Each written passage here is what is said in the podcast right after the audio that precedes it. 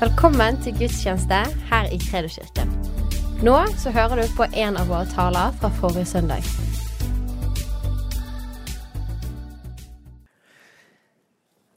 Nå begynner prekena. Og ja, hvis vi får opp den sliden som jeg har forberedt her, så jeg kalte det for 'Når Gud åpner topplokket'. Vi ser hva det betyr. Men da går vi rett på første bibelverset. Skal vi gjøre det? Det står altså i Lukas 24, 44-49. Og Dette er også når Jesus har stått opp igjen fra de døde, og han viser seg for disiplene. Så står det der. Så sa han til dem. Det var dette jeg talte om, at jeg, at jeg ennå eh, talte om da jeg ennå var sammen med dere, og sa at alt måtte oppfylles som så skrevet om meg i Moseloven, hos profetene og i salmene. Da åpnet han deres forstand, så de kunne forstå Skriftene.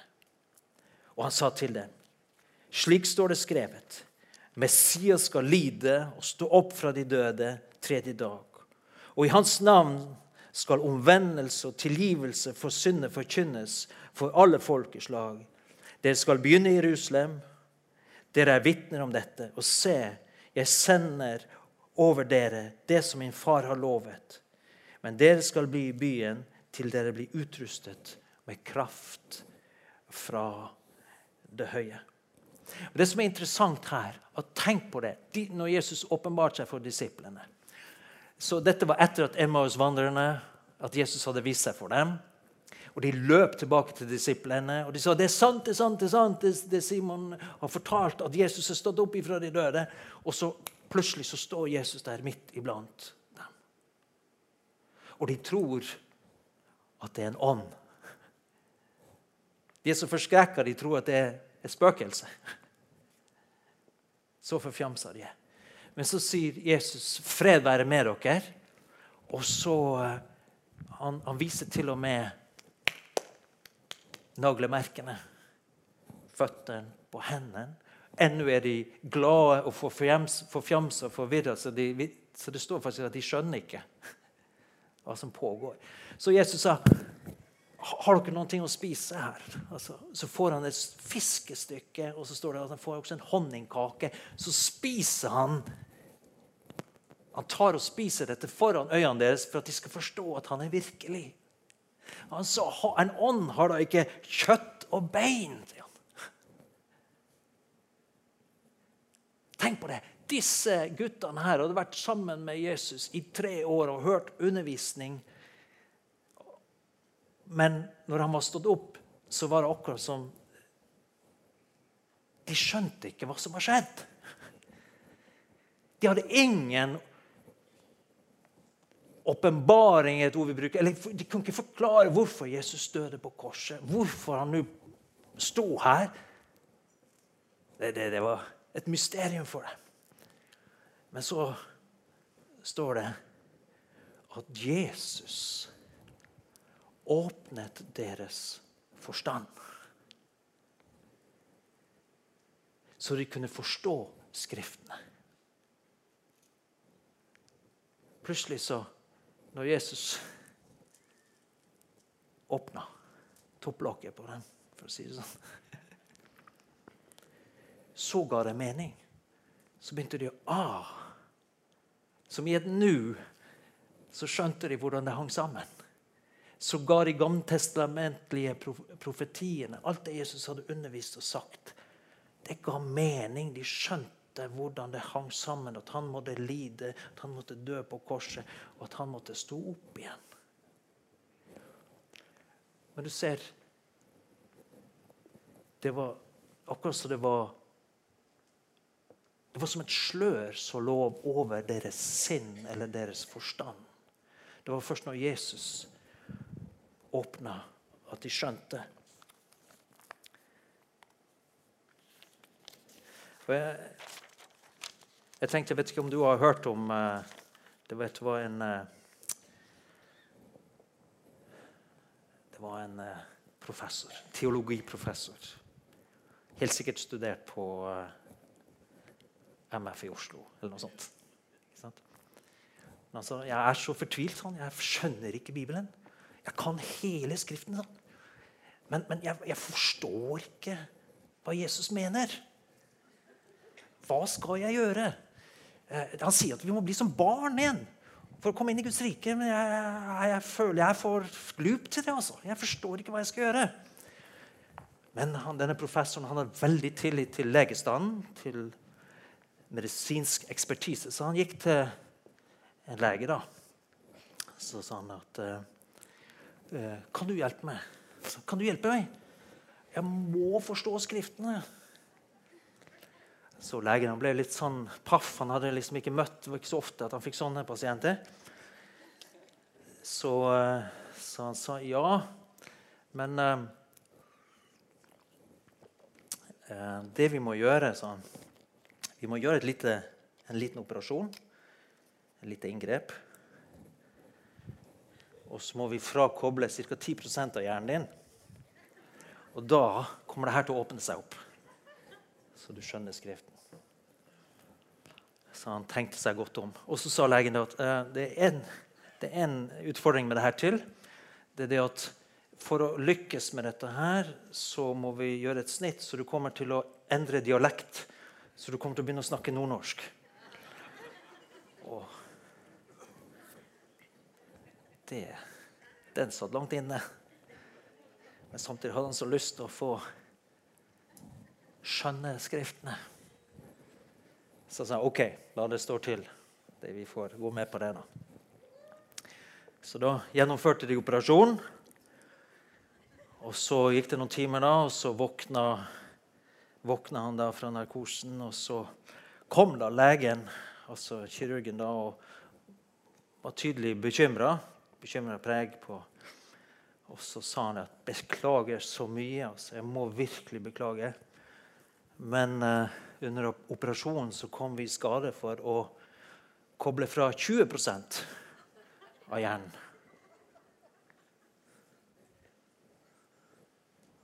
Og så svarer eh, professoren. Går man så kjekt!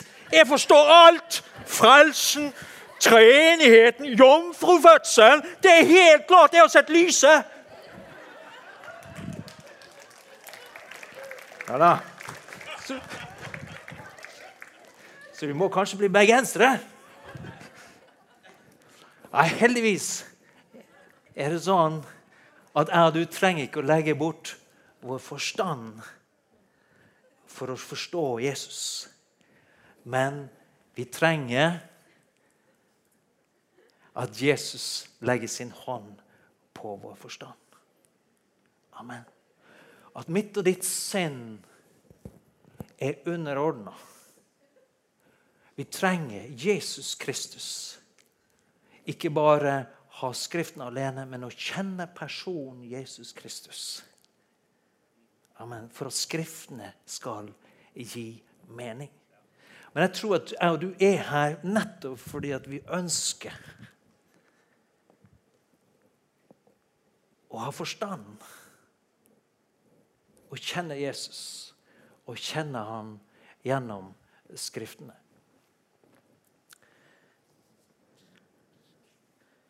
Johannes evangelium sier det i kapittel 14 vers 26. Men talsmann, Den hellige ånd, som Faderen vil sende i mitt navn, han skal lære dere alle ting og minne dere om alt det jeg har sagt dere.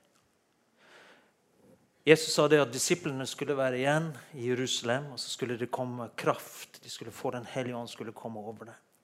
Jeg og du har det privilegiet at Den hellige ånd har kommet. Vi venter ikke lenger på at Den hellige ånd skal komme fra himmelen. Han har kommet. Og han har kommet med ild, og han har kommet med kraft. Yes. Og jeg er sikker på at Hvis vi snakker rundt i rommet her og spurte og intervjuet, så vil mange kunne fortelle om erfaringer med Den hellige ånd.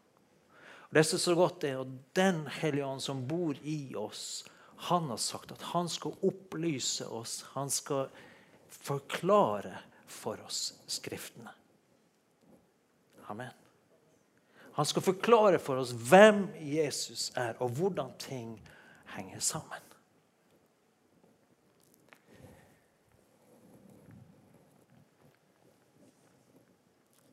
Lukas 10, 27 så står det du skal elske Herren i Gud av hele ditt hjerte, av hele din sjel, av all din kraft og av hele din forstand. Eller det står også noen oversettelser står det sinn. Eh, det greske ordet her er eh, dian, eh, dianoia. Forstand. Du vet at sinnet, hvis vi skal prøve å, forklare det, sinnet vårt er, er, inkluderer både den evnen til å være kreativ, til å forestille oss ting, til å drømme, til å visualisere osv. Forstanden er en del av, av sinnet vårt. Og den kan vi si kanskje hjelper oss til å forankre eh, Altså forstå sammenhenger, analysere, konkludere. Amen. Alt dette fins nedlagt i oss fra Gud fra skapelsen av. Og vi står at vi skal elske Gud med, hel, med alt, også med vår forstand. 2. Timoteus 3, kapittel 3, vers 16 og 17 står det det at det er Paulus som sier til Timoteus Helt fra du var et lite barn, har du kjent de hellige skriftene, de som kan gi deg visdom til frelse ved troen på Kristus Jesus. Hver bok i Skriften er innblåst av Gud og nyttig til opplæring, tilrettevisning, veiledning, oppdragelse i rettferd, så det mennesket som tilhører Gud, kan være fullt utrustet til all god gjerning. Romerne 15,4 står det alt som før er skrevet, er skrevet for at vi skal lære av det, for vi skal håpe gjennom den tålmodighet og trøst som Skriftene gir. Bibelen her står det at den hjelper oss til opplæring, tilrettevisning, veiling og oppdragelse. Det er sånn at, at Skriften den er levende og den er virkekraftig. Det er, sånn den, eh, det er ikke sånn at vi alltid husker hva vi har lest eller hørt, eller alltid liksom husker alt med en preken osv. Poenget er ikke nødvendigvis at du husker alle punktene, men det som er betydningsfullt, det er at vi lar Guds ord komme inn i vårt hjerte, inn i vårt sinn, inn i vår forstand. Fordi at det virker i oss, det former oss og danner oss på innsiden det gjør oss til gudsmennesker som blir skikka til alt godt verk, oppdratt i rettferdighet. Guds ord på innsiden av oss har den egenskapen at det også korrigerer oss, justerer oss, finjusterer oss. Og Det er intuitivt mange ganger. Det er ikke liksom oh, jeg hørte Den hellige ånd sa. Nei, det er du forplanter deg det inn i deg, sånn at du får en evne ved Den hellige ånd til å bedømme situasjonen. Er dette rett? Er dette galt? Er dette Gud? Er det ikke Gud? Er dette menneskelige tanker, eller er det sunne greier? Denne egenskapen plantes inn i meg og deg når vi tar til oss og tar imot Guds ord. Og så kan vi vokse i kjennskap til Jesus. Og Heldigvis har vi Den hellige ånd som forklarer oss Skriftene. Som opplyser sinnet vårt, som opplyser vårt hjerte. Som informerer oss. Hvor mange ganger har ikke jeg og du stått overfor valg i livet, og vi er kanskje rådløse? Det høres så bra ut, det høres så fint ut, men allikevel Stemmer det? Er det riktig? Og vi har alle sikkert, helt sikkert tatt feil, og så oppdager vi etterpå det var slett ikke riktig. Så lærer vi forhåpentligvis av det. Men det er noe med Guds ord, det ibærende visdom og kunnskap fra Gud som hjelper oss til å leve livet. Det som er betydningsfullt, det er at jeg og du hele tiden må vi tolke den virkeligheten vi opplever. Det, det som er betydningsfullt, er at våre erfaringer og meninger om Skriften at det ikke er det som skal tolke Skriften for oss. Men vi må forstå at livets erfaringer og opplevelser vi må forstå disse tingene i lys av Skriftene. Det er Bibelen som må forklare hva vi opplever. Det er ikke erfaringene og opplevelsene våre som skal prøve å forklare Bibelen eller Skriften. For da, er det feil rekkefølge på tingene. Amen. Vi kaster ikke bort vår hjerne eller vår forstand eller vår intellekt i det hele tatt. Men vi trenger Guds hånd på det.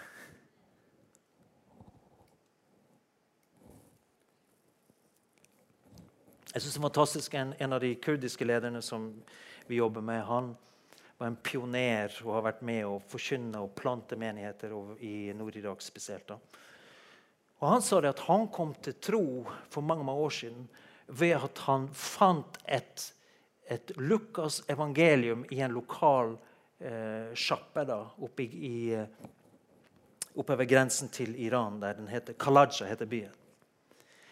Og den var på en måte så verdifull at han fikk bare lov å, å leie. Han måtte betale et ganske stort beløp for å leie den, det Lukas evangeliet én dag.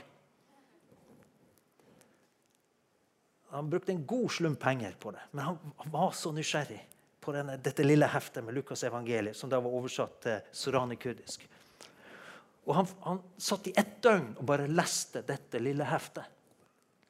Og Han sa det at det som sto der, gjorde sånn inntrykk på han. Det satte seg. Men så måtte han levere tilbake dette Lukas-evangeliet. og Så gikk tiden, og så kom det krig, og så var han i, i fjellene og kjempa som geriljasoldat osv. Så, videre. så tida gikk. Men når han da, fire år seinere, kom ned til, til, byen igjen, så ble han sjef for et bibliotek i et politisk parti.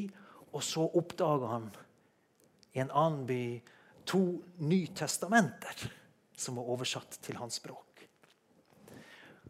Og Han brukte jo da partiet sine penger på å kjøpe to Nytestament.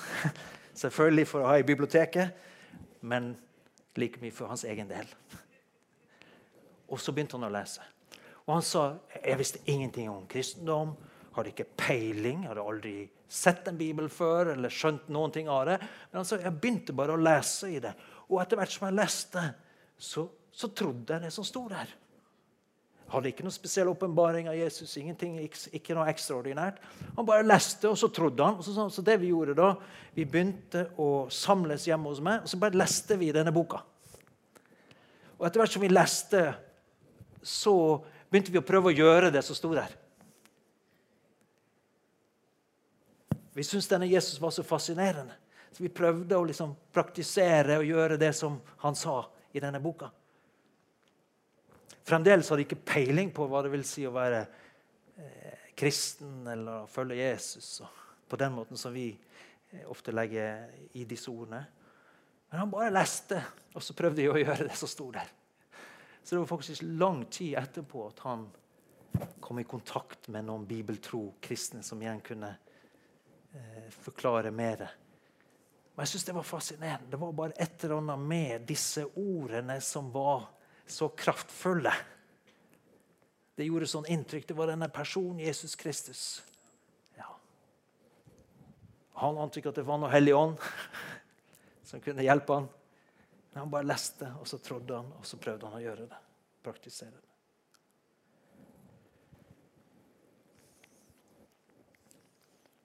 Så eh, en av våre vil si at en av våre største utfordringer i dag er jo ikke på en måte hva, hva jeg skal si, eh, ateisme, eller liksom at folk forkaster Skriftene. Det er, det, for dem er det bare en eventyrbok. Det som er vår største utfordring, det er, og skadelig, tenker jeg, det er det vi kaller for liberal teologi. Altså at man hevder under paraplyet av et kristelig navn, så, setter, så undergraver man Guds ords autoritet og kraft. Eh, man plukker limet, fjerner Og gjennomgangstonen er liksom Har Gud virkelig sagt? Og vi kjenner igjen denne røsten fra paradis, slangen i paradis. Har Gud virkelig sagt? Jeg har jobba litt med det her i, i, bibelskolen i Impact. Altså Guds ords autoritet. Hvilket syn hadde Jesus på Gamle testamentet, for Og, og du ser da når, For hvis Jesus trodde på historien i Gamle testamentet, hvor mye mer skal ikke vi det? Ja, ble Jonah, profeten Jonah slukt av en fisk? Var han i fiskens buk i tre dager? Ja, så Jesus trodde på det. Så hvis du vet bedre enn Jesus, så welcome.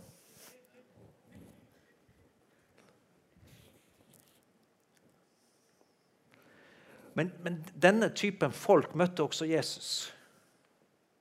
De var religiøse ledere i Israel. Vi finner det sadukeerne. De var et parti. Eh, og, og, de kom da for å sette Jesus fast. Matteus 22 kan du lese om dette her.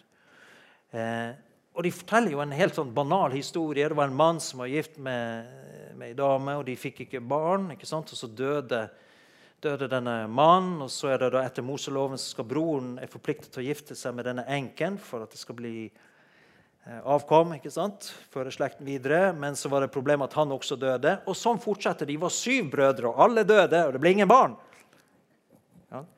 Ja? Det er jo et sånn sandkassespørsmål. Altså, går det an å komme med en sånn problemstilling? Men det gjorde de. Og så sa Jesus Og så lurte jeg på, når, når denne kvinnen dør, da, hvem skal ha henne? I himmelen. altså Hvem skal da liksom være gift med henne? Så Jesus sa dere, dere farer vill, sa han. For, kjenner, for, det første så kjenner dere ikke Skriftene. Og for det andre så kjenner dere ikke Guds kraft. Derfor kan dere gå så vanvittig av sporet. Så Jesus sa du trenger å kjenne hva som står i Skriftene.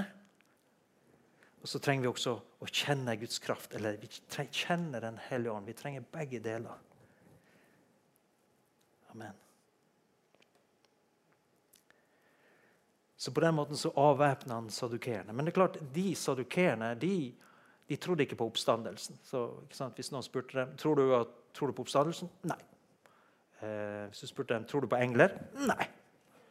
Eh, tror du på evig liv? Mm, tror du på himmelen? Mm, ja, kanskje. Tror du på fortapelse? Nei. Tror du det fins en djevel? Nei, absolutt ikke. Det fins det onde problem, ondes problem, men det fins ingen djevel. Ja. Altså, De var der på Jesus sin tid òg. Ja. Men de var ledere. De var religiøse ledere i Israel. Men så tar Jesus dem og så sier han det. Har dere ikke lest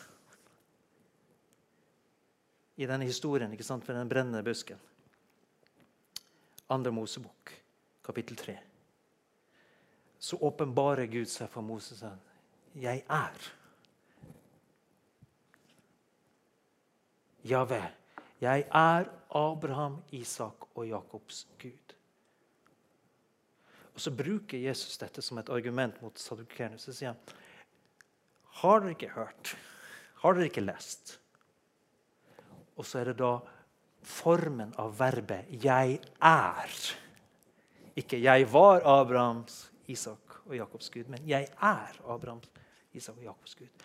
Ta Jesus som en dokumentasjon på oppstandelsen, at de døde oppstår. Det var Jesus' syn på Skriftene. Til og med verbformen var viktig.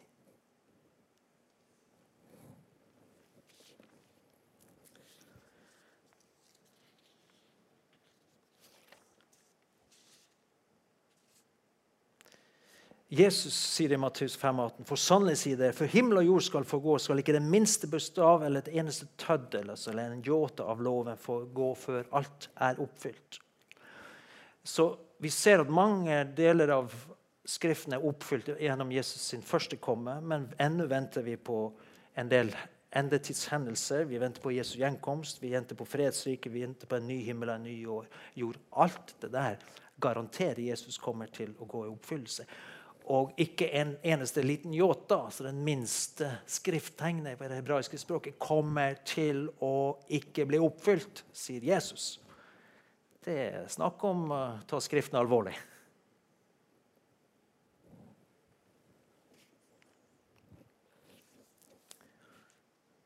Og så møtte han fariseerne. Og De var en litt annen kar. De kjente Skriftene. De hadde pugga det utenat. Men så i Matteus 5 så, så, kommer han i konfrontasjon med For de var av en annen ånd. De kjente ikke ånden. De kunne Skriftene, men de kjente ikke ånden. Og så sier Jesus så, de, så, tar Jesus tak i noen av disse tingene. Så sier til folk dere har hørt at fariseeren har sagt så tar han I, i Matteus 5, 43 så står det du skal elske din neste og hate din fiende. Å, å tenker folket. Å, fariseerne, de gudfryktige fariseerne som kan Skriftene, de må vi virkelig stole på. Men Jesus tar et knallhardt oppgjør med det. Hvis du går inn og ser på det de lærte folket, og går tilbake til 3. Mosebok, kapittel 19, eh, vers 17, tror jeg det, så står det første, du skal elske din neste. Det står der. Men i, i GT så står det at du skal elske din neste som deg selv. Mens fariseerne du skal elske din neste og hate din fiende. Så det første de gjorde, de tok bort siste delen av verset. Og så la de til du skal hate din fiende, som aldeles ikke står der. Så Jesus var eitrende sin. Dere driver jo og forandrer og vrir og vrenger på Guds ord. Dere kjenner jo ikke Guds, Guds natur, Guds vesen. Dere slår folk i hjel med halve skriftsteder. Ved dere fariseere, løgnere og bedragere, sier han. Ja, jeg er kommet med nåden og sannheten for å sette folk fri. Mitt ord skal sette mitt folk fri. Hvert et skriftstein kommer til å gå i oppfyllelse. Men må, dere må bruke det i min ånds intensjon. Med kjærlighet, med nåde, med barmhjertighet, med sannhet.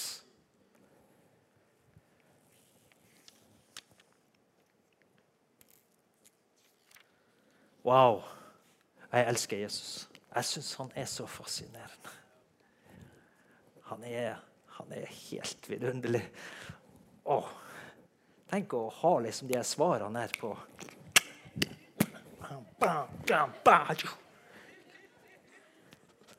Du skal være kjapp, altså. Men det er klart, folket blir forvirra hvis man ikke kjenner Skriften. og det er så mange røster. Så min oppfordring, jeg tror Guds oppfordring til meg og deg i dag Sørg for at Skriftene kommer på innsiden. Fortsett, min søster og bror, å mate sjøl med Skriftene. Og sørg for at de kommer inn i dine barn. Det er Den største krisen vi har, det er overføring til neste generasjon.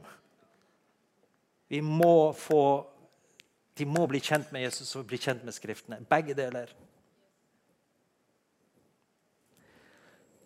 Så hva, hva, hva, gjør vi praktisk?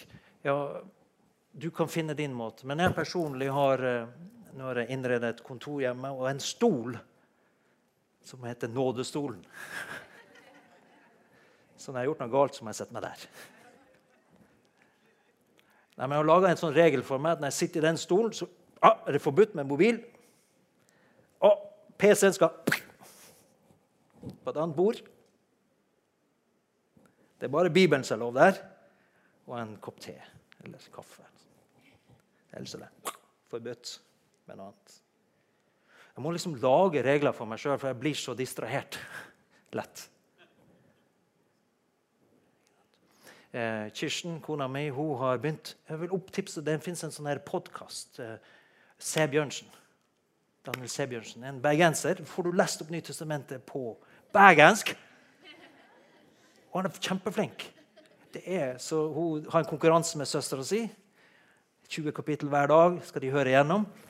Få det inn, altså. Mate det inn. For at vi trenger Guds ord på innsiden for å navigere i den verden vi lever i. Det er så mye greier som vil ta vår oppmerksomhet, og det er så mye halvsannheter og som halv halvgreier som så, høres så fint og søtt og greit ut, men som fornekter kraften i Guds ord. Men vi tror på for kraften i Guds ord. Det forvandler mennesker til Jesus likhet. Kraften i Guds ord helbreder mennesker. Det helbreder deres sjel. Det, det føder dem på nytt. Det til og med helbreder kroppen.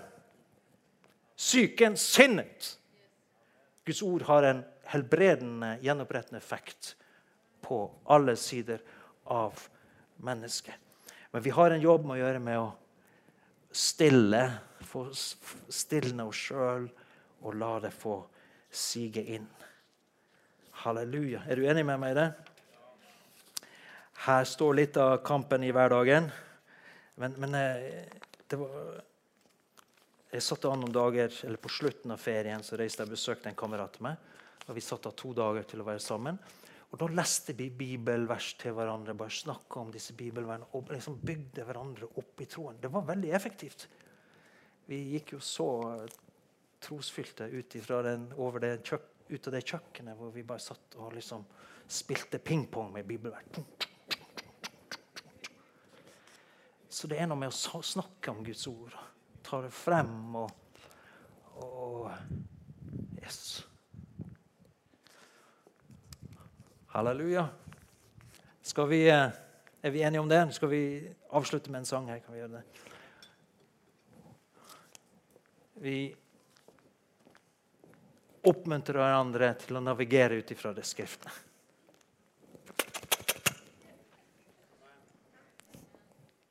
Og Jesus er fantastisk, men vi trenger at han åpenbarer, åpner vår forstand. Skal vi be sammen? Himmelske Far, jeg takker deg for Bibelen. Jeg takker deg for Skriftene. Far, vi erkjenner det at, at vi trenger at du åpner forstanden vår, så vi kan skjønne Skriftene, så vi kan uh, verdsette Skriftene, så vi kan uh, bli ledet av Skriften, Herre, så vi kan gjenkjenne og bedømme. Takk for din visdom som fins i Skriftene. Takk for den kunnskapen som fins i Skriftene, Herre.